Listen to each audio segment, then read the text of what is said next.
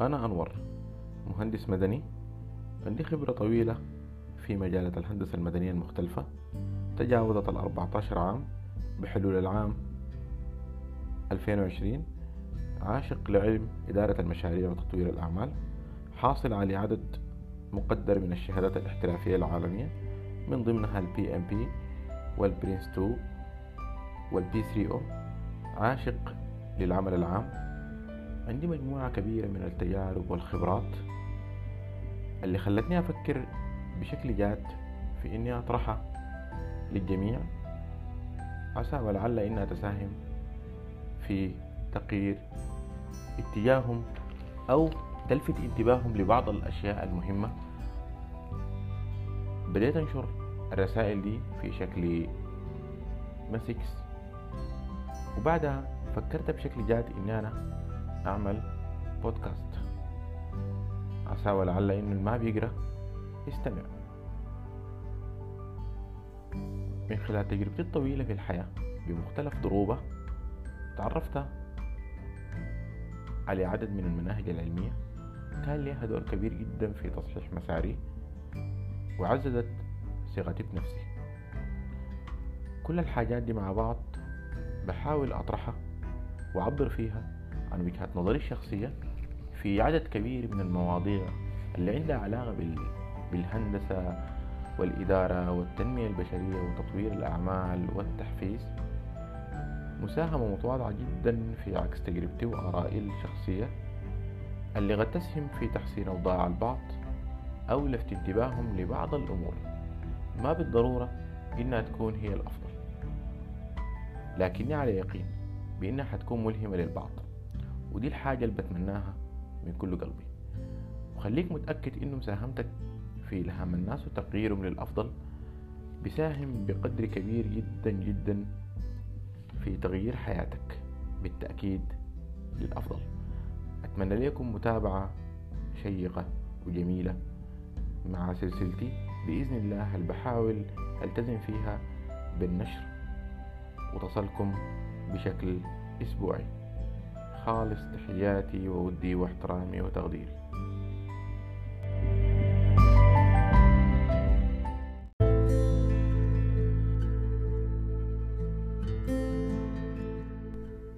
أحبابكم عشرة في الحلقة الأولى من سلسلة تجربتي.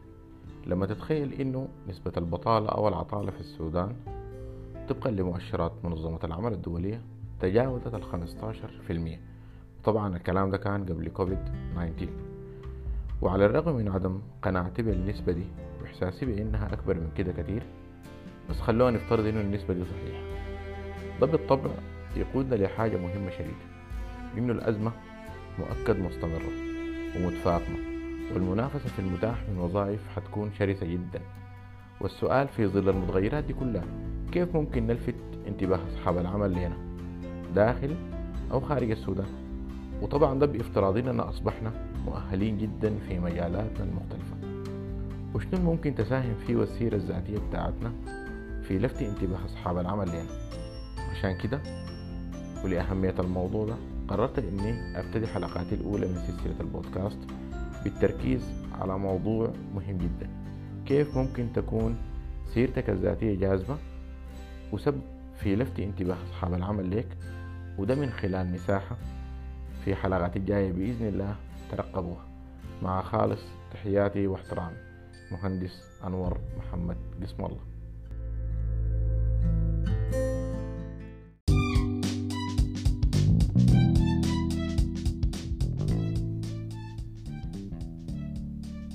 حبابكم عشرة في الحلقة الثانية من بودكاست تجربتي وزي ما كنا وعدنا المرة اللي فاتت إننا حنخصص الحلقة دي والحلقات الجاية للحديث عن كيف تخلي سيرتك الذاتية جاذبة.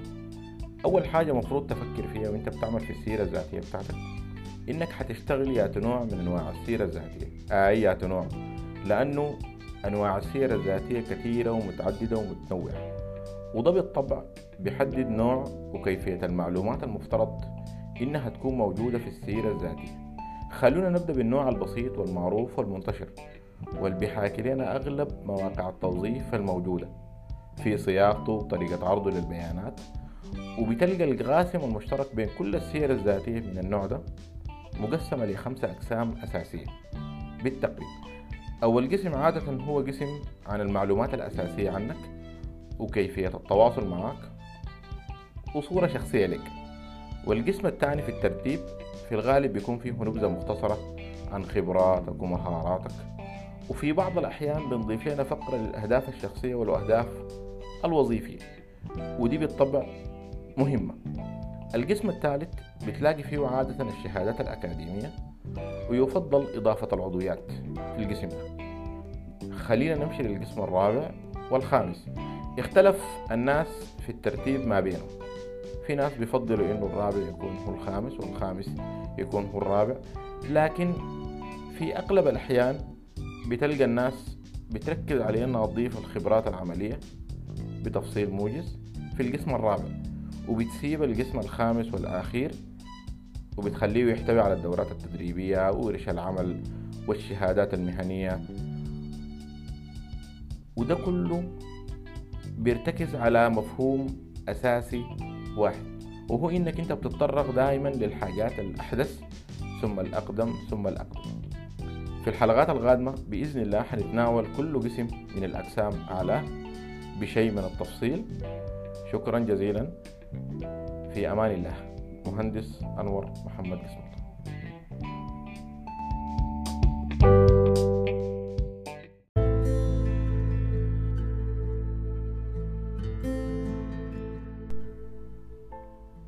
حبابكم عشرة في الحلقة الثالثة من بودكاست تجربتي. أولا حابب أشكر كل الأصدقاء والمتابعين الأعزاء للإطراء الجميل اللي وصلني والملاحظات القيمة جدا. والحاجة دي بالتأكيد آه، بتضاعف المسؤولية في تجويد المحتوى والالتزام بالنشر. وبالنسبة للمقترحات اللي وصلتني بخصوص زيادة زمن الحلقة بحب أوضح حاجة إنه توجهي في السلسلة دي كان وما زال ما قل ودل لكن بحاول بقدر المستطاع أزيد زيادة تتناسب مع وحدة الموضوع خصوصا في الحلقات المسلسلة ومواصلة في تناولنا لموضوع كيف تجعل سيرتك الذاتية جاذبة. في الحلقة دي حنتناول القسم الأول والثاني بتفصيل. بالنسبة للقسم الأول بيحتوي على معلوماتك الشخصية اسمك رقم التواصل المباشر مكان تواجدك تاريخ ميلادك جنسيتك البريد الإلكتروني. وهنا بحب أنبه لضرورة. إنه بريدك الإلكتروني ده لازم يكون رسمي. أبعد بقدر المستطاع من الأسماء الغريبة والغير رسمية. ويفضل وجود اسمك في البريد الإلكتروني. وبرضه حسابك في لينكد إن وده بيعتبر من أهم المواقع بالنسبة لك ومؤكد بإذن الله حنتناوله في حلقات قادمة. إذا عندك مدونة أو صفحات رسمية في مواقع التواصل الاجتماعي بضرورة إنها تعكس نشاطك المهني أو مجال عملك أو موقع إلكتروني. دي كلها ممكن تضيفها. بالنسبة للصورة الشخصية من الضروري جدا إضافتها بس لازم إنها تكون رسمية ويفضل تحديثها باستمرار بما يتناسب مع سنك في اللحظة اللي بترسل فيها سيرتك الذاتية. وبشكل عام في القسم ده من الضروري جدا إنك تعمل تحديث لبياناتك الشخصية باستمرار. بالنسبة للقسم الثاني بيعتبر برضو من الأقسام المهمة جدا وأغلب خبراء التوظيف في العالم بيركزوا مع القسم ده بالذات وممكن ما يمشوا لباقي الأقسام ويكتفوا بس بالمعلومات الموجودة فيه. بالتالي قسم ممكن يكون سبب في توظيفك أو رفضك. لذلك خليك حريص جدا على إنك تعمل نبذة مختصرة عن خبراتك بتفصيل دقيق ومعبر عنك وعن خبراتك ومهاراتك بشكل فعلي. وبقدر الإمكان خليه يكون متماشي مع الوظيفة اللي أنت عاوز تقدم ليها. وطبعا ده بالطبع بيقودنا لضرورة وجود أكثر من سيرة ذاتية للشخص الواحد. والفقرة الخاصة بأهدافك الوظيفية برضو ما بتقل أهمية عن الجزء الثالث. ركز على كتابة أهداف واضحة ومختصرة وذات صلة بتراكم خبراتك لأنه ده السبب الموضوعي والمنطقي اللي بيخلي الأهداف تتحقق وبيعكس صدقها وبالضرورة حاول خلي أهدافك الشخصية تكون بتخدم صاحب العمل. ما عاوز أطيل أكتر من كده وبإذن الله نلتقي في الحلقات القادمة مع بقية الأقسام في أمان الله وحفظه. مهندس أنور محمد قسم الله.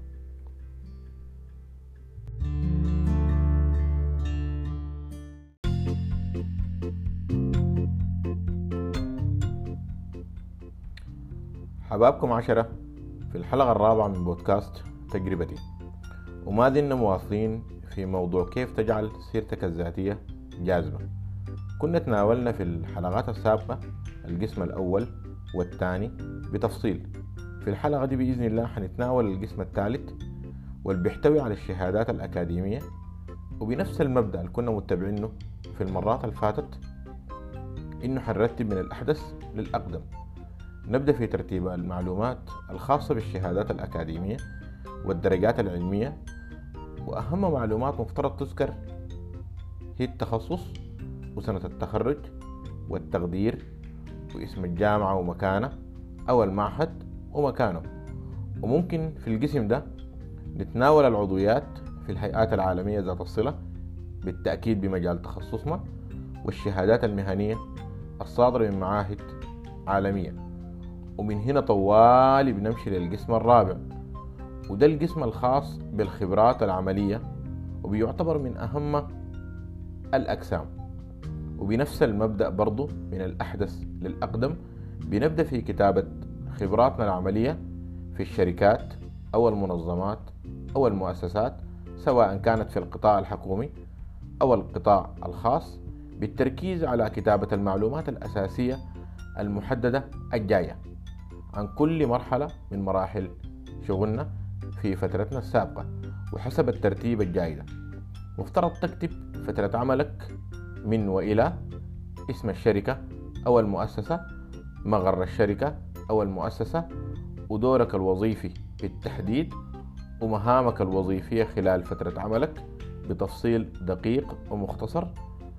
بالنسبة للعمل في المشاريع الهندسية إضافة للحاجات الفوق دي لازم نذكر الآتي اسم المالك والاستشاري والمقاول والممول للمشروع اسم المشروع قيمة المشروع. وبكده نكون وصلنا لنهاية حلقتنا الرابعة وإلى أن نلتقي في الحلقة الخامسة بإذن الله. في أمان الله. مهندس أنور محمد قسم الله.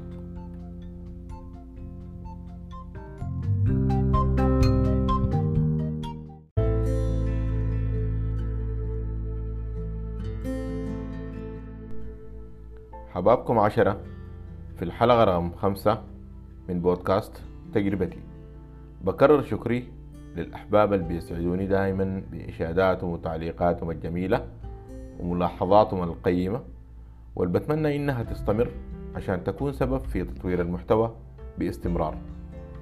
ولا زلنا في سلسلة الرسائل الخاصة بتطوير السيرة الذاتية وجعلها جاذبة. وصلنا الليلة للقسم الخامس والأخير في السيرة الذاتية. والخاص بالدورات التدريبية والكورسات ورش العمل والسمينارات والمؤتمرات والويبينارز. بتتعدد أوجه التدريب والتأهيل والتطوير. والفيصل هنا بكون دائما لتاريخ حضور الفعالية وبنبدأ كالعادة بالفعالية الأحدث ثم الأقدم ثم الأقدم وهكذا. بغض النظر عن نوع الفعالية وبشكل عام ما في ترتيب محدد في القسم ده لأنواع الفعاليات. يعني ببساطة ما بنقول والله الدورات التدريبية بنخدها برا وبعدين ال seminars برا والمؤتمرات برا وال webinars برا. بنبتدي نتعامل مع الفعاليات كلها باعتبار إنها كلها بتصب في خانة الفعاليات الخاصة بالتطوير والتأهيل. مهم جدا إنك تركز على كتابة الفعاليات اللي عندها علاقة بمجال تخصصك. أو المجال اللي أنت مهتم بانك تقدم سيرتك الذاتية فيه. باقي الفعاليات اللي ما عندها علاقة مباشرة بالتخصص المطلوب أبدا ما بتلفت انتباه صاحب العمل. ومرات بتشعر بأنك غير متخصص وغير مستغر ودي ما ميزة. ده عيب كبير جدا وبيأثر بشكل كبير جدا على تقييمك فنيا وماديا. طيب وارد جدا إنه يكون عندك دورات وكورسات في مجالات تانية مهمة. أفضل خيار في الحالة دي إنك تبرز الحاجات دي في المقابلة. إذا شعرت في حاجة لذكرى أو جات مناسبة أو كمان ممكن تخليها بعد التوظيف إذا دعت الضرورة أو ظهرت وظيفة تانية وتم الإعلان لها داخل الشركة. طيب محتاجين نكتب شنو من معلومات؟ للفعاليات دي. في الأغلب بتكون محتاج تكتب تاريخ الفعالية اللي هي دورة أو كورس أو مؤتمر أو سيمينار إلى آخره.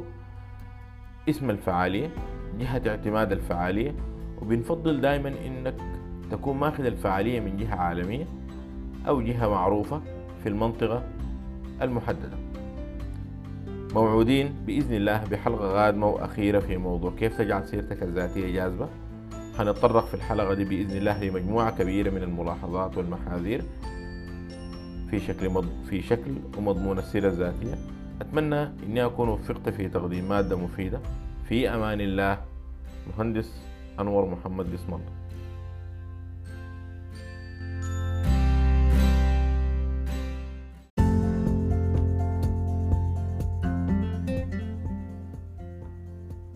حبابكم عشرة. في الحلقة رقم ستة من بودكاست تجربتي.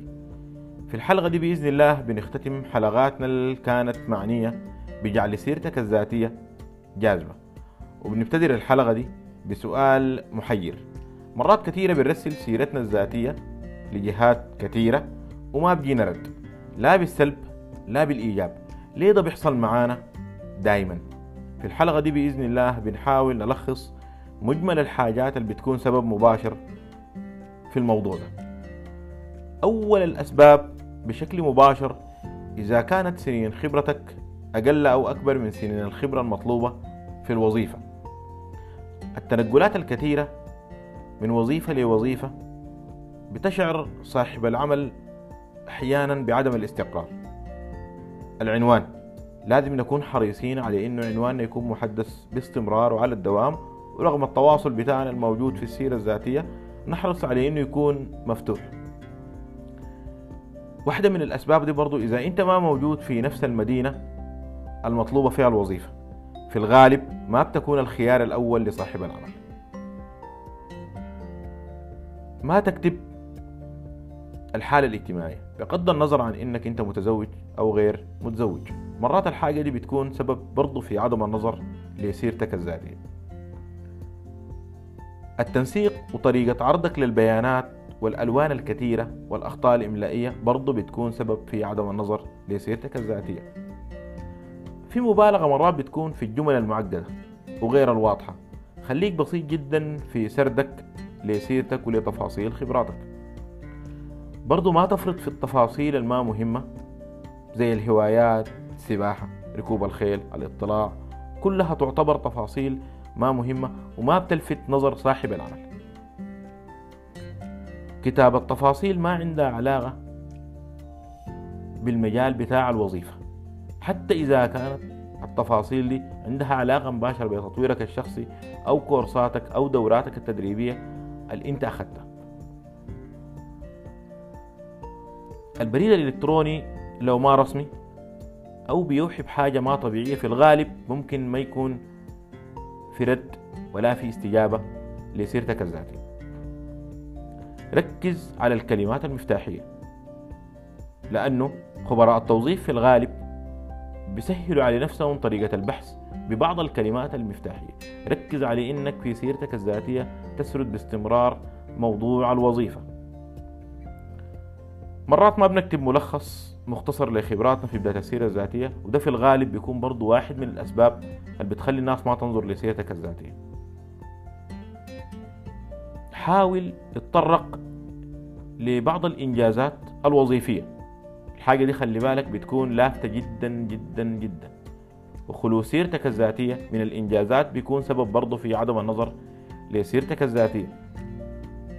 سيرتك الذاتية لو كانت طويلة جدا واحدة من الحاجات برضو بتخلي الناس ما ترجع لك. أحرص على إنه أنت كل فتراتك السابقة تكون موجود في وظيفة محددة. لأنه فترات التوقف في العمل برضه بتدي انطباع ما كويس وبتكون واحدة من الأسباب اللي بتخلي صاحب العمل ما يرجع عليك تسمية ملف السيرة الذاتية باسم غريب. ركز على إنك أنت تسمي ملف السيرة الذاتية باسمك وتكتب سيرة ذاتية لفلان الفلاني.